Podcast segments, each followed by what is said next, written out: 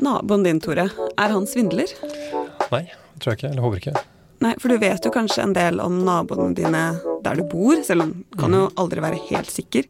Men hva om jeg sier at vi også bor på internett? Og der bor vi jo sammen med kriminelle og svindlere. Hvor trygg føler du deg egentlig da i ditt digitale nabolag? Velkommen til Svindelpodden, podkasten som skal gjøre at du blir enda mer bevisst på hvordan du skal unngå å bli svindlet. Mitt navn er Ida Marie Edholm, og jeg er svindelekspert i Nordea. Og med meg så har jeg min gode kollega og nesten-ekspert Tore Lekster Hauge. Dagens gjest er IKT-ekspert og teknoguru Torgeir Waterhouse. Han har jobbet med IT og IT-politikk i Forbrukerrådet og IKT Norge i mer enn 20 år. Nå er han rådgiver og partner i rådgivningsselskapet Otte, og han har også startet og driver Lær kidsa koding for å øke teknologiforståelsen blant unge. Velkommen, Torgeir. Takk. Veldig, veldig hyggelig å ha deg her. Det er Jeg føler nesten at du er en litt sånn IKT-kjendis. Ja, ja, ja, jeg kjenner også litt på det. Jeg ble litt sånn starstruck da vi hilste på deg i stad. Rett Ja. og slett. Det er hyggelig å høre på et vis. Ja. og i dag så skal vi jo snakke om bl.a. hacking og kunstig intelligens. To veldig spennende temaer. Men først så tenkte jeg at vi skulle ta et steg tilbake. Fordi dette med å bo på internett, det hørte jeg du snakke om i en annen podkast eh, hvor du var gjest. Da sa du det at vi bor på internett, eller jeg bor på internett. Kan du ikke si litt, hva, hva mener du når du sier det? Jeg mener noe så enkelt som at vi bruker nettet hele tiden. Og de aller fleste er jo ikke nødvendigvis bevisst på at de bruker nettet, men hver gang du gjør noe med telefonen din, den kommuniserer for deg hele tiden. Du har masse tjenester du er kobla til, hvor du er identifisert når du bruker de, eller telefonen din bruker de for deg. Og så er det tullete å kalle det en telefon, for det er egentlig en datamaskin. Eh, Men eh, markedsføringsmessig så matcher det jo telefonen som folk er vant til å kjøpe og kjøpe abonnement til, så da fortsetter vi med det. Så, men, så vi er der hele tiden, og Nordea er en bank. Hvem er det som er i filialer, eh, og når var noen det sist? For, for de aller fleste er bank en app. Um, musikk, eh, det man leser, aviser, eh, det å handle, det å kommunisere i en familie, det å dele bilder i en familie eller vennekrets, det å håndtere hvem som skal betale for hva når man har vært på hyttetur. Alt dette gjør vi via nettet og er kobla på nettet hele tiden. Og, eh, og vi har en lang rekke tjenester som også gir oss informasjon hvis noe skjer. Et land som Norge hvor folk både er opptatt av været og trenger å vite litt om været, så, så er jo også dette noe som foregår på nettet hele tiden. Selv om flere av oss vokste opp med filtfigurer på, som værmelding etter Dagsrevyen for lenge siden. Men hvor stor mener du at teknologiforståelsen er da, blant oss nordmenn? Du har jobbet med dette lærkitsa koding. Jeg vil si sånn helt generelt så, så er, ligger vi Hvis vi sammenligner med verden, så Mm. ligger vi ganske godt an. Hvis vi sammenligner med der vi burde være potensialet vårt, så ligger vi ganske dårlig an. Ja, ikke sant? Så det er en, hva, hva er målestokken her? Og det er jo en av utfordringene med veldig mye sånne vurderinger. At man, man blir gjerne veldig opptatt av å måle mot noen som man ikke har samme forutsetninger som seg selv, og da ser det jo jævlig bra ut. Ja. Men litt av problemet også, ser vi jo, er at de kriminelle de tar jo i bruk eh, ny teknologi hele tiden. Og det skaper også kanskje et enda større skille mellom de som er si, digitale og ikke-digitale. Eh, men hva tenker du at er det viktigste vi bør tenke på? da? Altså, hva er det liksom den viktigste trusselen fra de kriminelle i den teknologiske verden? Og det er veldig avhengig av hvordan man velger å, å rangere og se på ting. Men hvis du, hvis du tenker, tar utgangspunkt i hva som skal til for at de kriminelle lykkes med aktiviteten sin, og lykkes med å lure oss, svindle oss, eh, hva det måtte være, så, så handler det om en kombinasjon av vår forståelse for teknologi, altså gjennom at vi f.eks. kanskje ikke er bevisste nok på at alt det som vi ser på som fantastisk teknologi vi kan bruke til å slippe å dra et sted for å oppsøke noe f.eks., det kan også de gjøre. Så alle de mulighetene vi har, dette må være 24-7, dette med å ha ubegrensa med lagringskapasitet, ubegrensa med databehandlingskapasitet, ubegrensa med nettverkskapasitet osv., det gjelder de i like stor grad som oss. Så alle de fordelene vi har, må vi huske på at de også har. Og så er det kombinert med vår, vår enten si, tillit, skråstrek naivitet, skråstrek ubevissthet, skråstrek manglende kapasitet og, og energi til å tenke på dette hele døgnet. De tingene til sammen gjør jo at vi er ganske sårbare. Eh, når våre besteforeldre eh, var på kontor, hvis de hadde kontor, så hadde de en sånn fysisk innboks på skrivebordet hvor noen kom og la et brev, eller hvis de var ganske moderne, en faks. Og de så på det noen minutter i løpet av arbeidsdagen. Og det viser at nå skal jeg være våken, for nå skal jeg lese og tenke. Mens vi utsettes for meldinger på alle flater hele døgnet. Eh, også når vi ikke er bevisste og våkne, når vi er slitne, når vi har en dårlig dag eh, osv. Og, og, og det spiller selvfølgelig de som prøver å lure oss på. Mm, ikke sant. Men hva Sånn som for eksempel, da, det er jo ganske mange som ikke er så digitale, eh, særlig eldre som vi ser også at er særlig utsatt for, eh, for svindel. Da. Vi har vel sett sånn at ca. 50% av alle de som blir svindlet, de er 60 pluss. Hva, hva, kan vi gjøre som enkeltpersoner, eller vi som samfunn, eh, for å hjelpe den, den, gruppen? Har du på en måte noen tanker om, om det? Ja, her er det jo ganske mange av de gamle, vanlige tingene. Ja. Um, hvis vi tar utgangspunkt i bare for et for eksempels del flipper det rundt og sier hva kan vi gjøre med barn og tenåringer, da. Mm. Så, så, sa jo han eh, Kaparski som grunnla Kaparski Labs, som er et sikkerhetsselskap i Russland, så kan man diskutere om det, om det henger sammen eller ikke. Eh, men han sa noe fint på en konferanse for ganske mange år siden, hvor han sa at uh, when it comes to the internet, teens will most likely hide their activities from their parents if they can. Mm. And then uh, what you can do is an old parenting trick. It's called talking with your kids. Ja. Og hvis vi, så kan vi ta med oss det over til de eldste i samfunnet. Um, uh, hvorav de aller fleste av de har vært viktige for de som ikke er de eldste nå. Som oss, f.eks. Mm. Uh, og de har brukt mye av sin tid på å snakke med oss og hjelpe oss og, og vise oss verden. Og, og, vi må gjøre det samme. Så den dimensjonen, at vi må være et, som du sa, et samfunn og hjelpe hverandre. Og så handler det om at uh, aktører som eh, folk bruker, altså dere f.eks., Nordea, uh, banktjenesten deres må både bli så sikre som mulig hele tiden, og samtidig så brukervennlige som mulig hele tiden. Ja. Sånn at de kan lykkes. Vi må, vi må hele tiden tilpasse teknologien sånn at det er lettest mulig å velge riktig, lettest mulig å lykkes og vanskeligst mulig å gjøre feil og eller bli lurt. Ja. Og så må vi ta på alvor at uh, de vanlige tjenestene, altså de som lages for alle, de vil aldri bli optimale for den som, som trenger mest beskyttelse eller hjelp. For det er hele tiden en avveining mellom, uh, mellom uh, Det skal være kjapt, det skal være lett, det skal være fremstå attraktivt osv. Det skal også være sikkert og trygt og ikke være forvirrende. Mm. Mange ting på en gang. Og det er veldig få tjenester hvor man er villig til å putte pengene inn i det som skal til for å lage mange versjoner, f.eks. Ja. Tilpassa folk. Og da må vi se på hva kan vi gjøre for å tette det gapet som er der. Og der har vi jo eh, norske kommuner som har et ansvar for å drive opplæring og hjelpe innbyggerne sine. Vi har en del organisasjoner og en del frivillige aktører som bistår. Seniornett f.eks., som har en del kurs. Men da må du bo et sted hvor det er ganske mange mennesker. Mm. Sånn at det skal være grunnlag for det. Og så er vi en del tjenester på nett, og det er en del selskaper som jobber i det feltet. Jeg f.eks. jobber med et selskap som heter Kakadu, hvor vi jobber med å utvikle hjelpesystemer som skal ligge mellom brukeren, i tilfelle er de gamle, da, og de tjenestene som de er avhengig av å klare seg med. Mm. Og jeg tror at vi må, På samme måten som vi har vært vant til at vi må bruke penger på en elektriker, bruke penger på et bilverksted, bruke penger på en restaurant når det er noe vi skal som ikke er det vanlige hjemmegreiene, så er dette også et felt hvor man nok må, må forberede seg på at man må ut og kjøpe tjenester framover. Ja. Mm. Så dette er et samfunnsansvar, da, egentlig? Ja, det er, det er egentlig litt som det alltid har vært. ikke sant? Ja. Og så må vi finne balansegangen, og det må tilpasses mellom hvilket ansvar har leverandøren vår, enten det er en bank eller et reisebyrå mm. eller et busselskap, mm. og hvilket ansvar har vi selv, hvilket ansvar har det offentlige, osv. Ja. Jeg har aldri tenkt på det på den måten her, at man sant, faktisk eh, kan kjøpe dette her, da. Mm. Og Her er noe av utfordringen at dette er umodent. sånn at vi har, På ene siden så, så for de fleste sier som du at dette har vi ikke tenkt på. Mm. Uh, og så er det mange som er sånn hvorfor skal vi betale for dette, skal det ikke bare virke? Mm. Uh, og så er det samtidig at fordi ikke er, man ikke er vant til å betale for det, så er det mm. heller ikke et, et tilbyderside tilgjengelig i stor nok grad i markedet. Så dette er jo noe som bygges opp fremover. Mm. Og jeg er helt sikker på at vi kommer ikke til å klare oss uten det. Og så er det som det alltid har vært. ikke sant? Norge er et folk hvor, hvor, liksom, hvor folk har Når de passerer en eller annen alder, så skal mennene ut og bygge hus. Mm.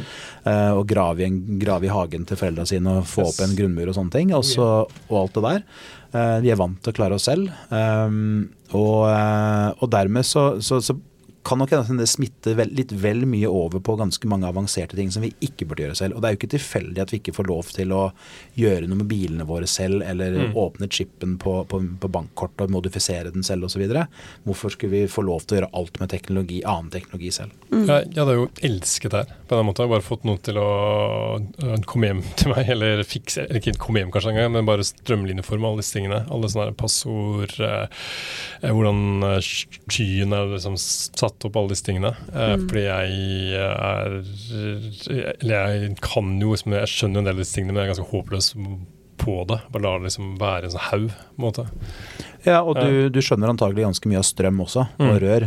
Men, Ja, men det, er en, det, er, det, er noen, det er noen barrierer her for at Yes. vi nødvendigvis skal over. Og, Ja. og hvis vi tar på alvor at dette er komplekst fordi når vi begynte å bruke nettet i Norge, når, Mm. når, eh, når jeg f.eks. brukte nettet for første gang, så, så var det jo eh, Da drev vi jo med oppringte modemer som var kobla på det vanlige telenettet. Mm. Og det var veldig, veldig enkelt. Når Norge ble utsatt for det første virusangrepet vi vet om over nett, så, så, så beskytta Paul oss, Paul Spilling, som da var en av det vi kaller founding fathers of the internet. Mm. Han beskytta det norske nettet ved å dra ut den ene kabelen. Så, så, vi, så det er en sånn Ja. Vi har gått veldig langt veldig fort da, i kompleksitet. Og da må vi også ta på alvor at det er ikke sånn at alle går rundt og har en ekspertutdanning i, dette, i alle de nødvendige feltene Nei. for å klare alt dette selv. Det er for det er jo et felt hvor eh, utviklingen går ekstremt raskt også. Mm. men det er jo veldig sånn mentalitets... eh, for meg, bare sitte og høre at du sier at eh, noen kan liksom, det her er noe vi burde kunne skaffe oss eh, liksom, hvis vi trenger det. Det er veldig sånn mentalitetsforandrende. Og vi har jo noe av det på gang allerede. Det er jo ikke tilfeldig at bankene for noen år siden begynte å gi bort antivirusprogramvare til kundene sine. Ikke sant? Fordi at det var et problem. Eh, De store elektrokjedene og en del andre har jo tjenester hvor du kan få hjelp til å sette opp utstyr når du kjøper det. Altså Hifi-sjappen har jo lenge hatt du kan få hjelp til å koble opp anlegget ditt og justere lyden. og Nå kommer andre etter på andre felt. Og dette vil vi se mer av. Og så blir det som jeg sa, vi vil helt til å finne balansen mellom hvilket ansvar skal leverandøren din ha, og hva skal de hjelpe deg med, eh, og hvilket ansvar skal du ha selv og, og det offentlige ha. Ja, det, er, jo- det vi også egentlig få fikset til den. da. Det er en hifi-greiene, så det er fint at du også minnet meg på akkurat det. Ja, Det kan du se. takk. Men i denne podkasten her så har vi snakket ganske mye om sosial manipulasjon. Fordi vi ser jo at det er det man som oftest blir lurt ved hjelp av, da. Eh, At svindlerne bruker den teknikken. Men, eh, og jeg har vært en del ute og holdt foredrag, bl.a. på seniorsenteret eh, for eldre. Men da får jeg veldig mye spørsmål om hacking. Eh, og vi har vel sagt tidligere her eh, at svindlerne nå tenker hvorfor skal jeg hacke meg når jeg kan logge meg inn? Hvis de istedenfor klarer å lure oss til å gi fra oss den informasjonen vi trenger, så trenger de liksom ikke å bruke sånn god gammeldags hacking, at de faktisk klarer å hacke seg inn på telefonen eller, eller PC-en vår. Hva tenker du om det, eller den utviklingen? Ja, det er jo et, eh, det er jo et alt sammen på en gang i en stor smørje. Ja. Så, og, og det er jo alltid litt vondt egentlig at hackerbegrepet brukes som det brukes. For Ja. opprinnelig så var jo det noe, altså det, var et begrep om det å jobbe med teknologien selv, altså noe positivt. Ja. Og så snakka vi om cracking med de som gjorde noe galt. Som Ah, ok. Um, mens måten begrepet hacking brukes på i dag, er jo bare et begrep som brukes for å dekke over alt dette, som er vondt og vanskelig på en eller annen måte. Ja. Og så er da journalister og andre veldig glad i å vise dem unge gutter i hettegensere, som Ja. de som står bak dette. Og det er jo takk, ja, ikke sant? Ja. Eh, og takk skal dere faen meg ha alle sammen der ute som gjør det og holder det i livet. Det kan Ja. vi bare slutte med med en gang. Det er ikke unge gutter i hettegenser som gjør dette. Nei. Um, og vi trenger ikke mer stigmatisering av de. Nei. Men det vi trenger å gjøre, er å forstå at dette er en gigantisk industri. Ja. Dette er uh, profesjonelle folk som er på jobb, og det er mange, i mange situasjoner så er det folk som har en helt vanlig jobb, akkurat som vi tre i rommet her Mm, har. De mm. har. De har syke barn, og de har ferie, og de har betaler skatt, og de var, ja, Kanskje ikke, ikke alle sammen gjør det, men, Ja. men det er organisert arbeidsliv, rett og slett. Deler av dette. Og noe er ikke det, selvfølgelig. Mye er ikke det. Og noe er statlig. Uh, Så, så det er et spørsmål om hva det er snakk om.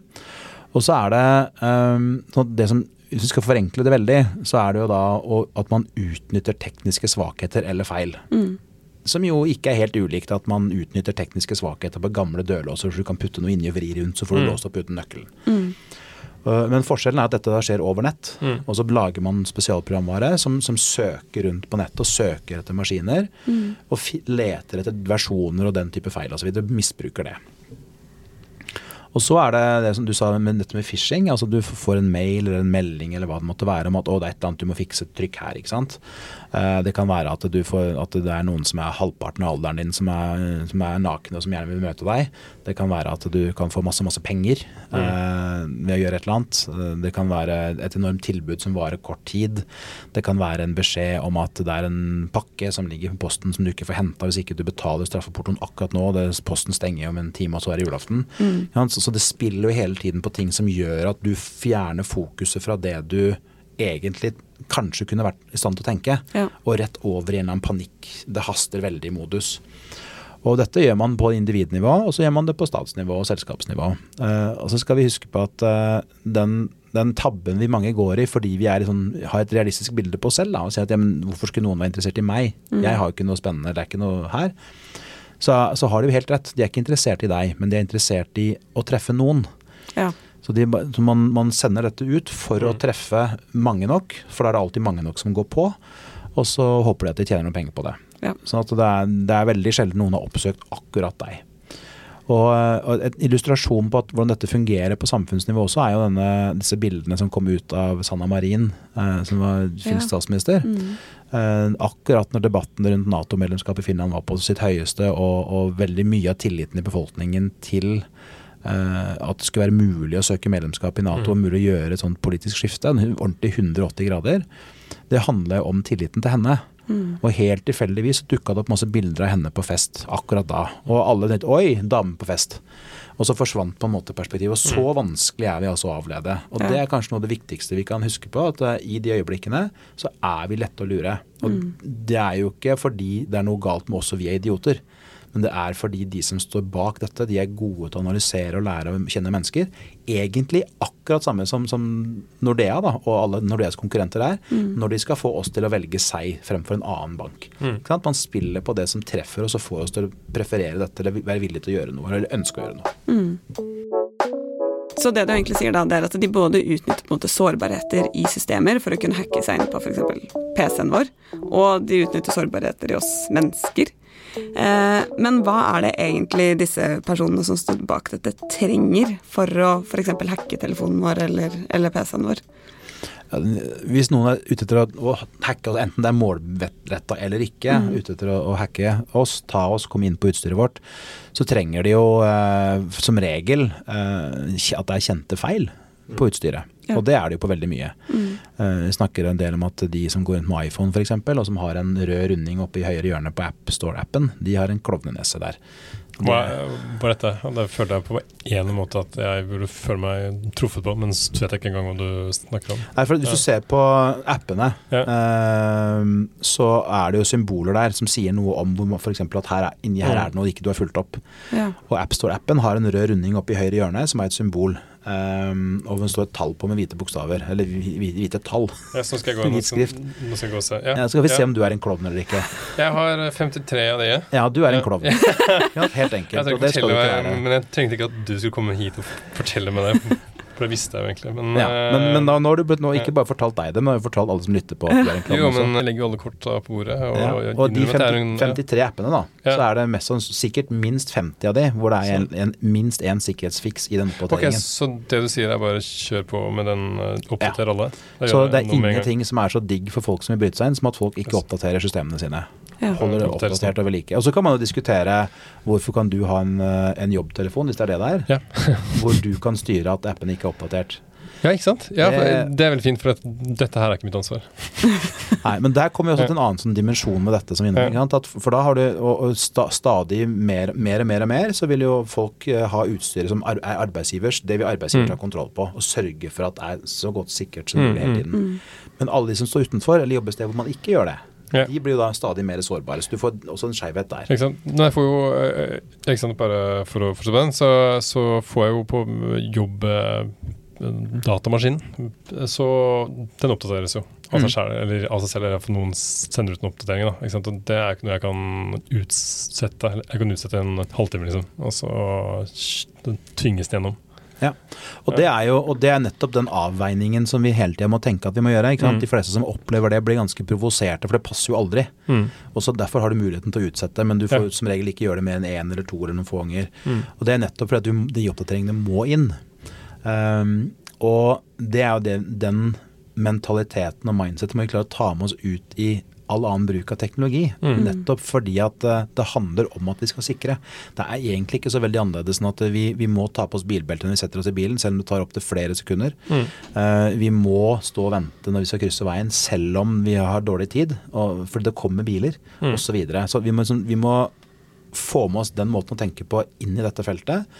Og samtidig så er det vanskelig fordi at dette er mye mer abstrakt. Vi ser ikke Altså hvis du kommer inn i et rom og ser at en, en stol mangler en, et bein, Mm. så setter du deg ikke på den, for du skjønner at det betyr at den stolen er usikker. Men Ja. du kan ikke se på telefonen din på utsida at, den- at den er usikker. Ja. Eller på en app, eller hva det måtte være. Ja. Så her må vi lære en del nye ting. eh, og, og tilbake til dine spørsmål, hva er det hackerne trenger? De trenger bl.a. at vi ikke har lært. De trenger at vi ikke oppdaterer. De trenger at vi bruker samme passord overalt. Ja. Og samme mailadresse som bruker den overalt. Så det må man også forlate. ikke sant? Vi må bli bedre til å oppdatere. Hold ting oppdatert. Og det er det, er, det, er det samme med dette som med alt mulig annet. Det er bedre å oppdatere i morgen enn å ikke gjøre det, selv om du kunne ha gjort det i dag. Ja. Ja. Og så videre. Men eh, du s- eh, sier eh, mailadresse òg. Skal man ikke Eller funker det ikke å ha samme mailadresse på ting? Ja, men ulempen Ja. hvis du, har samme, hvis du alltid bruker mailadressen din som brukernavn, ja. og du har samme passord overalt, ja. Og jeg får tak i den kombinasjonen Jeg har ikke samme passord, bare, så- bare sånn som i fare for at jeg skal eh, lage en annen korrektur. Noen har. Ja. Ja. Men jeg har forskjellige varianter av det samme passordet. Ja. Og det går, ja. Og antagelig så er Ja. den måten du lager varianter på, den er mye enklere å forstå enn du ser for deg. Helt sikkert. Og igjen, for at, for at du, du har laget det så du skal klare å huske det. ja. Og de som skal prøve å avsløre det, de vil jo Så hvis vi for eksempel, da, da Mm. ta et, et eksempel som ikke er så uvanlig. Eh, noen lager seg et system hvor de kanskje har navnet på tjenesten de skal logge inn på. Mm. Og så har de, har de et standard passord, og så har de kanskje, bruker de kanskje noen bokstaver fra tjenesten først og sist, eller i midten, eller noe sånt på det standardpassordet. Og hvis, du, hvis, hvis jeg da kommer til det, ditt brukernavn, eller noens eh, brukernavn og passord, og, så kjenner, og, så, så, og, og har tilgang til ett, så kan jeg begynne å leite etter mønster. Hva er mønsteret, hva er sammenhengen mellom det passordet jeg ser, og den tjenesten jeg vet det hører til. Ja. Og så kan man begynne å nøste i det. Og, så er det, og nå snakker jeg om som om dette er bare noe mennesker kan gjøre, men så har vi, som vi begynte å snakke om her, vi har ekstremt kraftige datamaskiner. Sånn at uh, det er veldig lett å knekke passord. Og det kan, det kan gå på sekunder, og så har du tilgang på det du trenger. Ja. Så, så uh, igjen, da, tilbake til en av de mange andre tingene som, uh, som disse som skal gjøre oss vondt, trenger. Mm. I tillegg til at vi ikke lærer, ikke oppdaterer, ikke har sterke og gode passord som er forskjellige overalt osv. Det at vi ikke fortsetter å utvikle oss. Ja. Sånn at vi, at vi er tilfreds med metodene våre. For det kan godt være at metoder som, for beskyttelse som i dag blir beskrevet som utilstrekkelige, var gode nok for fem år siden. Ja. Når folk lærte seg dem. Og en av tingene vi sier med, med passord, er, som er ganske fascinerende, fordi mange har lært at man skal aldri skrive ned passord. Ja. Og det er jo umulig i dag. Og det, og det, det kunne fungere som metode når du hadde ett passord, som du, skulle logge inn på maskinen, og det var det. Men uh, nå kan man gjerne ha mange hundre, eller til, til og med flere tusen passord som man skal holde orden på, og det klarer vi ikke. Og da må vi over på andre systemer. Og da er jo faktisk en metode, det er å skrive de ned. ja. Så du kan, i hvert fall De viktigste kan du skrive ned på et ark, og så kan du putte den på side 53 i den boka du hater mest av alle bøkene du har hjemme, f.eks. Eller den, den første boka du husker at eh, du syns hadde rar font, eller et eller annet som gjør at du husker den boka. Og så putter du det arket inni der, og så vet du at der er det i ved nødstilfelle. Mens hvis noen finner den, så, så ok, hva er dette? Eller eh, Ja. de kan i hvert fall ikke komme til det. Mens hvis du har det lagra i et dokument på datamaskinen din, Så kan de finne så det. kan de finne det. Ja. Hvis de får tak i datamaskinen din. Men så det, er, så det å ha forskjellige passord, det er viktig. Ja. Det å holde ting oppdatert. Oppdatere apper og programvare på PC Mm. og telefon. Eh, Er det andre ting som er viktig å huske? Ja, og her, og her kan man også bruke det som vi kaller password manager, altså programvare som hjelper deg til å ta vare på passord sikkert. Ja, for det har jeg sett at min telefon i hvert fall har. At Mm. jeg kan på en måte lagre passordene Ja. på telefonen. Så det på en måte. og, det og det man hele tiden må huske på her, er at eh, dette er jo litt som hvis du ser for deg en, Mm. en serie biler parkert på en gate, og noen er ute etter å, å stjele med seg noe. Så sjekker de dørene på bilene bortover gata, og hvis din dør er låst, så går de antagelig til neste bil. Mm. Ja. Selv om det er lett å knuse vinduet, Ja. osv. Så, videre. Ja. så dette handler om å hele tiden gjøre små grep som gjør at du er stadig sikrere. Mm. Uh, og det øker sannsynligheten for at du ikke blir utsatt, Ja. men det er ingen garantier. Du har alltid en risikoprofil. Så, så, her handler det om det, og det handler helt enkelt om å, beskytte oss så godt som mulig til enhver tid. Og det er jo, hvis man er i tvil, da, så er det noe de Selv om folk i Norge er usedvanlig dårlige på det, men, men, de fleste har lært seg at det er lurt å bruke kondom. Ja. Det, er, det, er, den samme mm. grunnleggende logikken i dette. Hva kan jeg gjøre som reduserer sannsynligheten, sånn at jeg kan fortsette å gjøre det jeg har tenkt å gjøre. Mm. For, for, meg er det helt, helt håpløst alt sammen. Uh, jeg skal legge passordet på et smart sted som jeg ikke kommer til å huske. Ikke sant? Er det programmet mm. blir så smart på en måte? Uh, Bruk, bruk, bruk programvare for det. Det er det enkleste. Og så kan du ha, kanskje ha et ark med det, med det hovedpassordet som skal til for å komme inn der. Ja. Jeg vet heller ikke, heller ikke denne kondomanalogien funker for meg heller. Jeg har masse kids. Det er, det er Jo, men det er en fin måte å snakke med ungdom om kondom på. Kan du komme i gang med det? Men, men, men, igjen, da. Altså, dette handler grunnleggende sett om å hele tida bli litt bedre. Eller litt mindre dårlig mm. på, på, de tinga. Mm. Uh, passe på at ting er oppdatert. Um, huske på at både programvare og maskiner er ferskvare. Mm. Ja. Bare varierer litt hvor lenge de ja. Eh, holder seg bra. Mm. Um, vår kompetanse er en del tilfeller ferskvare. Vi må lære oss stadig nye ting, for det er nye metoder som tas i bruk osv. osv. Mm.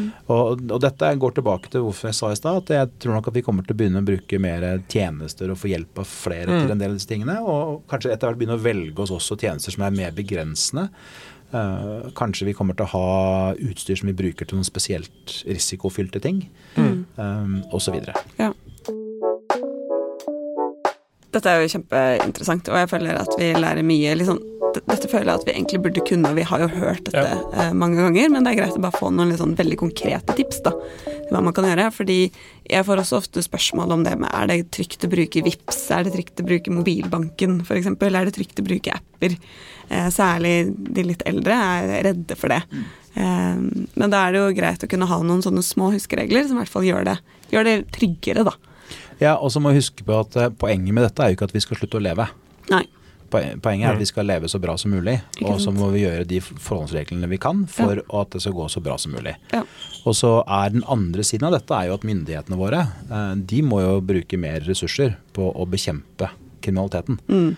Og må, alle selskapene som er involvert på et eller annet vis, jobber jo som regel tett, mm. tett og godt sammen. Altså bankene, hele finanssektoren jobber jo tett sammen med IT-sikkerhetssektoren, som jobber tett sammen med ekom-sektoren, altså internettleverandørene, mobiloperatørene osv. Så, videre. så man mm. jobber jo sammen for å, å gjøre, ta ting. Og det er jo det er en ekstremt liten andel av spam-mailen eller altså phishing-mailen eller meldinger om at du må hente en pakke på posten akkurat nå osv. som kommer fram.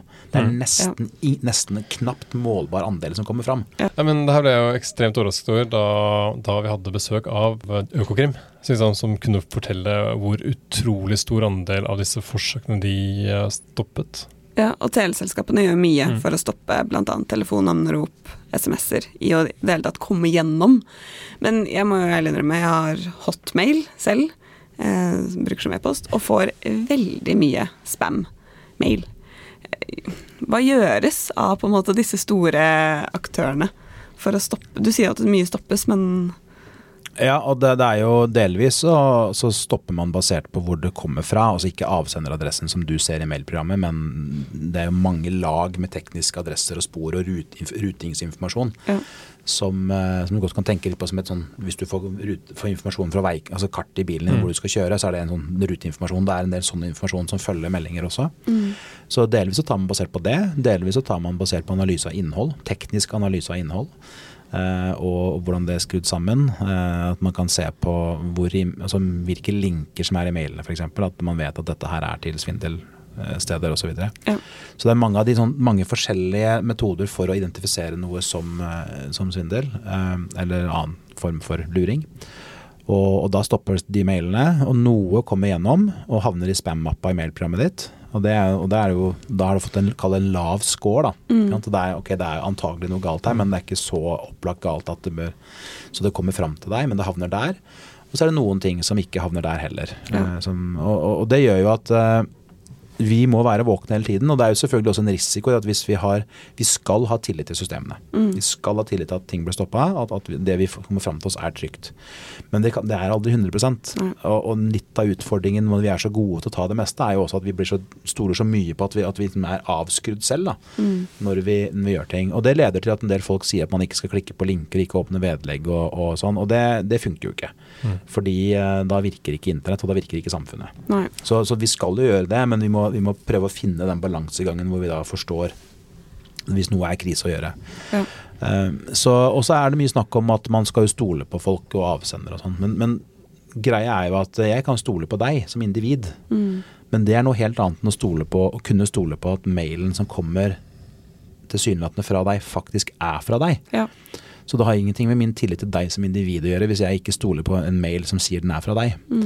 Og dette er også vanskelig for oss i Norge som har så høy tillit til hverandre. For Ja. det føles helt feil å ikke stole på dette mennesket. Og, og det kan også godt være den er sendt fra deg, men at ditt system er infisert med noe som gjør at, eh, at hver gang du sender mail til noen, selv om det faktisk er du som skriver og aktivt sender den, så er det likevel med noe som er et problem. Og det, det er igjen tilbake til dette med kondomer. ikke sant? Altså Du kan ikke se på noen smilende, flotte ansikt ved bardisken halv fire på natten om de har en kjønnssykdom eller ikke. Ja, så, så det handler ikke om tilliten din til det individet, og hva det individet ønsker å gjøre eller ikke, men det handler jo om at kan det individet være sikker, da? Altså kan den personen selv garantere? Og det, det kan man ofte ikke. Det er veldig vanskelig, dette her. Man blir jo nesten litt sånn motløs, da. Med hva skal vi gjøre? Vi skal anerkjenne at sånn er det, og så skal vi ha det bra likevel. Ja, ok. Vi, skal, vi, vi skal fortsette å leve, vi skal til enhver tid gjøre det vi kan for å bli bedre og håndtere bedre, men, men vi må anerkjenne at dette er en del av livet. Ja. På samme måten som vi har anerkjent at det, en del av, av livet er at folk blir syke, at det skjer bilulykker, vi fortsetter med å kjøre bil likevel, osv. Men også kan vi jo legge på enda et lag her, da. Og det er jo det at uh, disse kriminelle, de utnytter eller tar i bruk ny teknologi hele tiden. Hele tiden. Og en av disse som vi har jo nå lært ikke er en ny teknologi, men kunstig intelligens. Mm. Og vi hadde forrige episode hvor vi snakket ganske mye om dette her. Eh, men det er spennende å høre litt fra, fra deg også. Hvordan ser du at kunstig intelligens eh, utnyttes for å, å lure oss eller svindle oss? Du kan si at det, Hvis man tar utgangspunkt i at, at AI er et stort sett med teknologier, og begrepet i seg selv er også enormt. Altfor Ja. stort egentlig til å bruke, for det blir så upresist. Men, men, men det det egentlig er snakk om, er å, å bearbeide data, enorme mengder data, eh, målt opp mot enorme mengder parametere og kunnskap, veldig fort og veldig presist. Sånn at der hvor vi kanskje før tok et menneske eller en av oss tre da, veldig lang tid til å bearbeide en tekst og tenke gjennom hvordan skal jeg skrive dette for å nå frem osv., så, videre, så gjør, gjøres dette på millisekunder eh, og tilpasninger. Og, det, og noe av det man da kan gjøre Og så får vi skille litt mellom hva som er mulig akkurat nå, hva som skjer akkurat nå, og hva som kan komme til å skje fremover. Men det er jo selvfølgelig tilpasning til hver enkelt. Sånn at de blir bedre og bedre og bedre hele tiden. Ja. Og, og det er jo så enkelt som at øhm, vi bruker teknologi hele tiden hvor AI er en del av teknologien og er med å manipulere i sanntid til det bedre. F.eks. eksempel bildene vi tar med de såkalte telefonene våre. Uh, og stavekontroll. Uh, hvis jeg husker rett, så har stavekontrollen i Word vært basert på AI siden 2016. Ja, ikke sant. Ja, så, så, det jo, så, så dette handler hele tiden om å gjøre teknologien bedre, og det, det gjør at, at de som forsøker å angripe oss og skade oss, de får stadig tilgang på stadig bedre verktøy, de også. Det finnes jo spesialversjoner av programmer à la ChatGPT som er laget for å svindle. Ja. For å drive med svindel. Så, og da er vi tilbake til den vanlige kampen, da, ikke sant? den balansen hvor vi hele tiden forsøker å avdekke og beskytte oss og, og kjempe, og hele tiden jobbe med å bli bedre. Um, og det må vi bekjempe med vår egen kunnskap og bevissthet, og så må vi bekjempe det med vår egen evne til å håndtere hvis noe går galt. Og vi må bekjempe det med, med myndigheter som etterforsker og går etter. Og, og ikke tillate heller at stater ser, snur, snur seg bort når landet deres blir eh, er vertskap for kriminelle organisasjoner som angriper hele verden. Hvordan tenker du fremtiden kommer til å se ut når det kommer til AI? Jeg, jeg tror nok at, eh, at fremover så blir jeg i hvert fall utålmodig. Eh, Det er mye av dette som går mye saktere enn vi har lyst til. Ja. Og samtidig så, så er jo dette en av de store, vanskelige både strids- og politiske temaene, fordi vi får så kraftige muligheter med, med AI. og kombinert med selvfølgelig med dataproduksjon og tilgang på data og anvendelse av data og analyse av data osv. Så, videre. så dette er jo noe som må inn i, og det er på vei inn i de store internasjonale foraene. Ja. Og eh, det er feil å sammenligne med f.eks. atomvåpen, samtidig som Mm. det er helt riktig å gjøre det. For vi, må, vi trenger en del avklaringer og avtaler på tvers. Vi må Mm. lage noen spilleregler for hvordan dette brukes og ikke. Og um, en av utfordringene med det er jo vi ser vi forsøker på ting. Altså det var vel et par år siden nå, så kom det jo regulering av, eh, av bilder f.eks. Skal du bruke manipulerte bilder i kommersiell sammenheng, så skal de merkes. Mm. Og det er jo litt fascinerende, fordi at bilder har jo alltid vært manipulert. Og eh, den første manipulasjonen er jo når fotografen velger å ta et bilde eller ikke. Og så utsnitt, og så osv. så videre. Ikke sant? Så, så det, er, eh, det er hele tiden en balanse, og vi må uh, erkjenne at eh, det å leve blir stadig mer komplisert. Mm. For vi, samfunnene våre, teknologien vår, prosessene våre blir stadig mer kompliserte, og det gjør det stadig vanskeligere å ikke forstå de. Mm. Og det, mm, Hvis vi går langt nok tilbake, så var det å ha, være riktig klan, eller det å ha nok Mm. penger osv., det var det som avgjorde om du, hva slags liv du hadde, kvali- livskvaliteten din, om du var innenfor eller utenfor alt det der. Og der, jeg tror, og jeg understreker tror, at uh, forståelse for teknologi og hvordan teknologiske prosesser fungerer, Ja. kommer til å bli en sånn faktor i mye større grad fremover enn det har vært det nå. Mm, ikke sant. Skremmende. Men det er jo Ja. dette med informasjon, bevisstgjøring, det at vi snakker om det, eh, er jo et viktig tiltak, da. Mm. Eh, og det at man ser på dette som et um, felles ansvar, både oss som individer, men også ulike selskaper og bedrifter, staten. Alle må på en måte Absolutt. Og så, så tenker jeg at uh, en av utfordringene vi står i, er jo at vi har hele tiden tenkt på dette som noe nytt og positivt som vi får i Mm. tillegg. mm, Og det er det. Det er helt riktig. Ja. Men vi har uh, i praksis og kollektivt undervurdert hvor mye vedlikeholdsarbeid vi har pådratt oss. Mm. Ja. Sånn at det er, og hvor mye utviklingsarbeid vi har pådratt oss. Det er jo litt som å eie et hus. Ikke sant? Det er jo et eller annet som må fikses hele tiden. Og hus har folk drevet med i hundrevis av år, så det er en sånn, nærmest sånn kollektiv erkjennelse, og folk får det med Mm. seg fra barndommen at har du et hus, så må du drive og klippe gress og male et eller annet og osv. Eller få noen til å gjøre det for deg. Mm. Eh, Og sånn er det jo her også. Vi har veldig mye fokus på alt vi skal bruke det til, og veldig lite fokus på, på hvor mye vi trenger å holde det ved like, Mm. overvåke det, eh, lære oss nye ting, oppgradere osv. Så tenker du at dette må reguleres på en eller annen måte? Veldig mye av det er jo allerede regulert. Ja. Eh, hvis vi går helt tilbake til utgangspunktet for at vi sitter her, svindel f.eks. Altså svindel er forbudt, og det blir ikke ikke forbudt bare fordi noen tar i bruk AI, f.eks. Ja. Um, vi, har, eh, vi har lovverk som i, som i stor grad regulerer hva vi gjør. Og det er jo ikke opplagt at man trenger å regulere en teknologi spesielt. Ofte så er det et blindspor å snakke om å regulere teknologien spesielt, for, fordi den kan være borte om en uke. Mm. Eller folk kan bruke den til noe annet enn vi trodde eh, når vi begynte å regulere. Så vi må fokusere på handlinger og verdi, verdier. Vi må, eh, og vi må forstå at eh, landegrenser er ikke så viktige som alle skal ha det til når det gjelder de tingene vi snakker om nå. Mm. De er i praksis fraværende. Hvis noen vil at de skal være fraværende. Nå kan jeg fortelle, forresten, nå som vi nærmer oss slutten, er at nå har jeg bare tre sånne små røde dotter igjen her. Og den ene er jo Nordea. og Nordea i det. Så jeg oppdaterer. Men eh, jeg vet ikke Ja, det gjør jeg Ja, og da er, jo, eh, da er jo også noe som jeg tenker vi kommer til å se mer og mer av, f.eks. Det er at når du starter en app, så sjekker den selv hvilken versjon den har, og om, Ja. er, om er, den, er jeg så ny at, eller gammel Ja. at jeg skal få lov til å kjøre eller ikke. Ja. Eh, og kan brukeren da få beskjed om at eh, du må oppdatere før du kan gjøre noe mer. Det jeg også får beskjed om hele tiden, er at jeg må også oppdatere selve syst eller systemvaren. Eller hva heter. Operativsystemet. Operativsystemet. Ja. Ja. Så Og, og det er også noe av det som er ganske viktig her. Mm. ikke sant? Altså Folk opplever det som stress og mas å å forholde seg til, og er usikre på om ting blir endra på, de vet ikke hva, helt, hva det betyr Mm. osv. Og, det gjør at man fortsetter å gå rundt med stikkerhull i, i det, det utstyret man er helt avhengig av. Mm. ikke sant. Men nå vet du i hvert fall at Ja. vi skal sjekke appene våre, oppdatere programvare, Ja. Også, ha sterke og gode passord, Ja. forskjellige passord. Og så tenker jeg også at uh, etterpå vi skal ta en liten kikk på hvor mange sånne røde uh, prikker du har. Vi får se. At dette ikke bare er så veldig ensidig. Nå er det i hvert fall én klovn mindre i rommet. Takk for at du hørte på. Hvis du har lyst til å høre mer fra Svindelpodden, så kan du gå inn og abonnere, så du får beskjed om når neste episode slippes. Og del gjerne med venner eller bekjente som du tenker kan ha nytte av å høre på dette. Du har hørt på Svindelpodden, en podkast fra Nordea.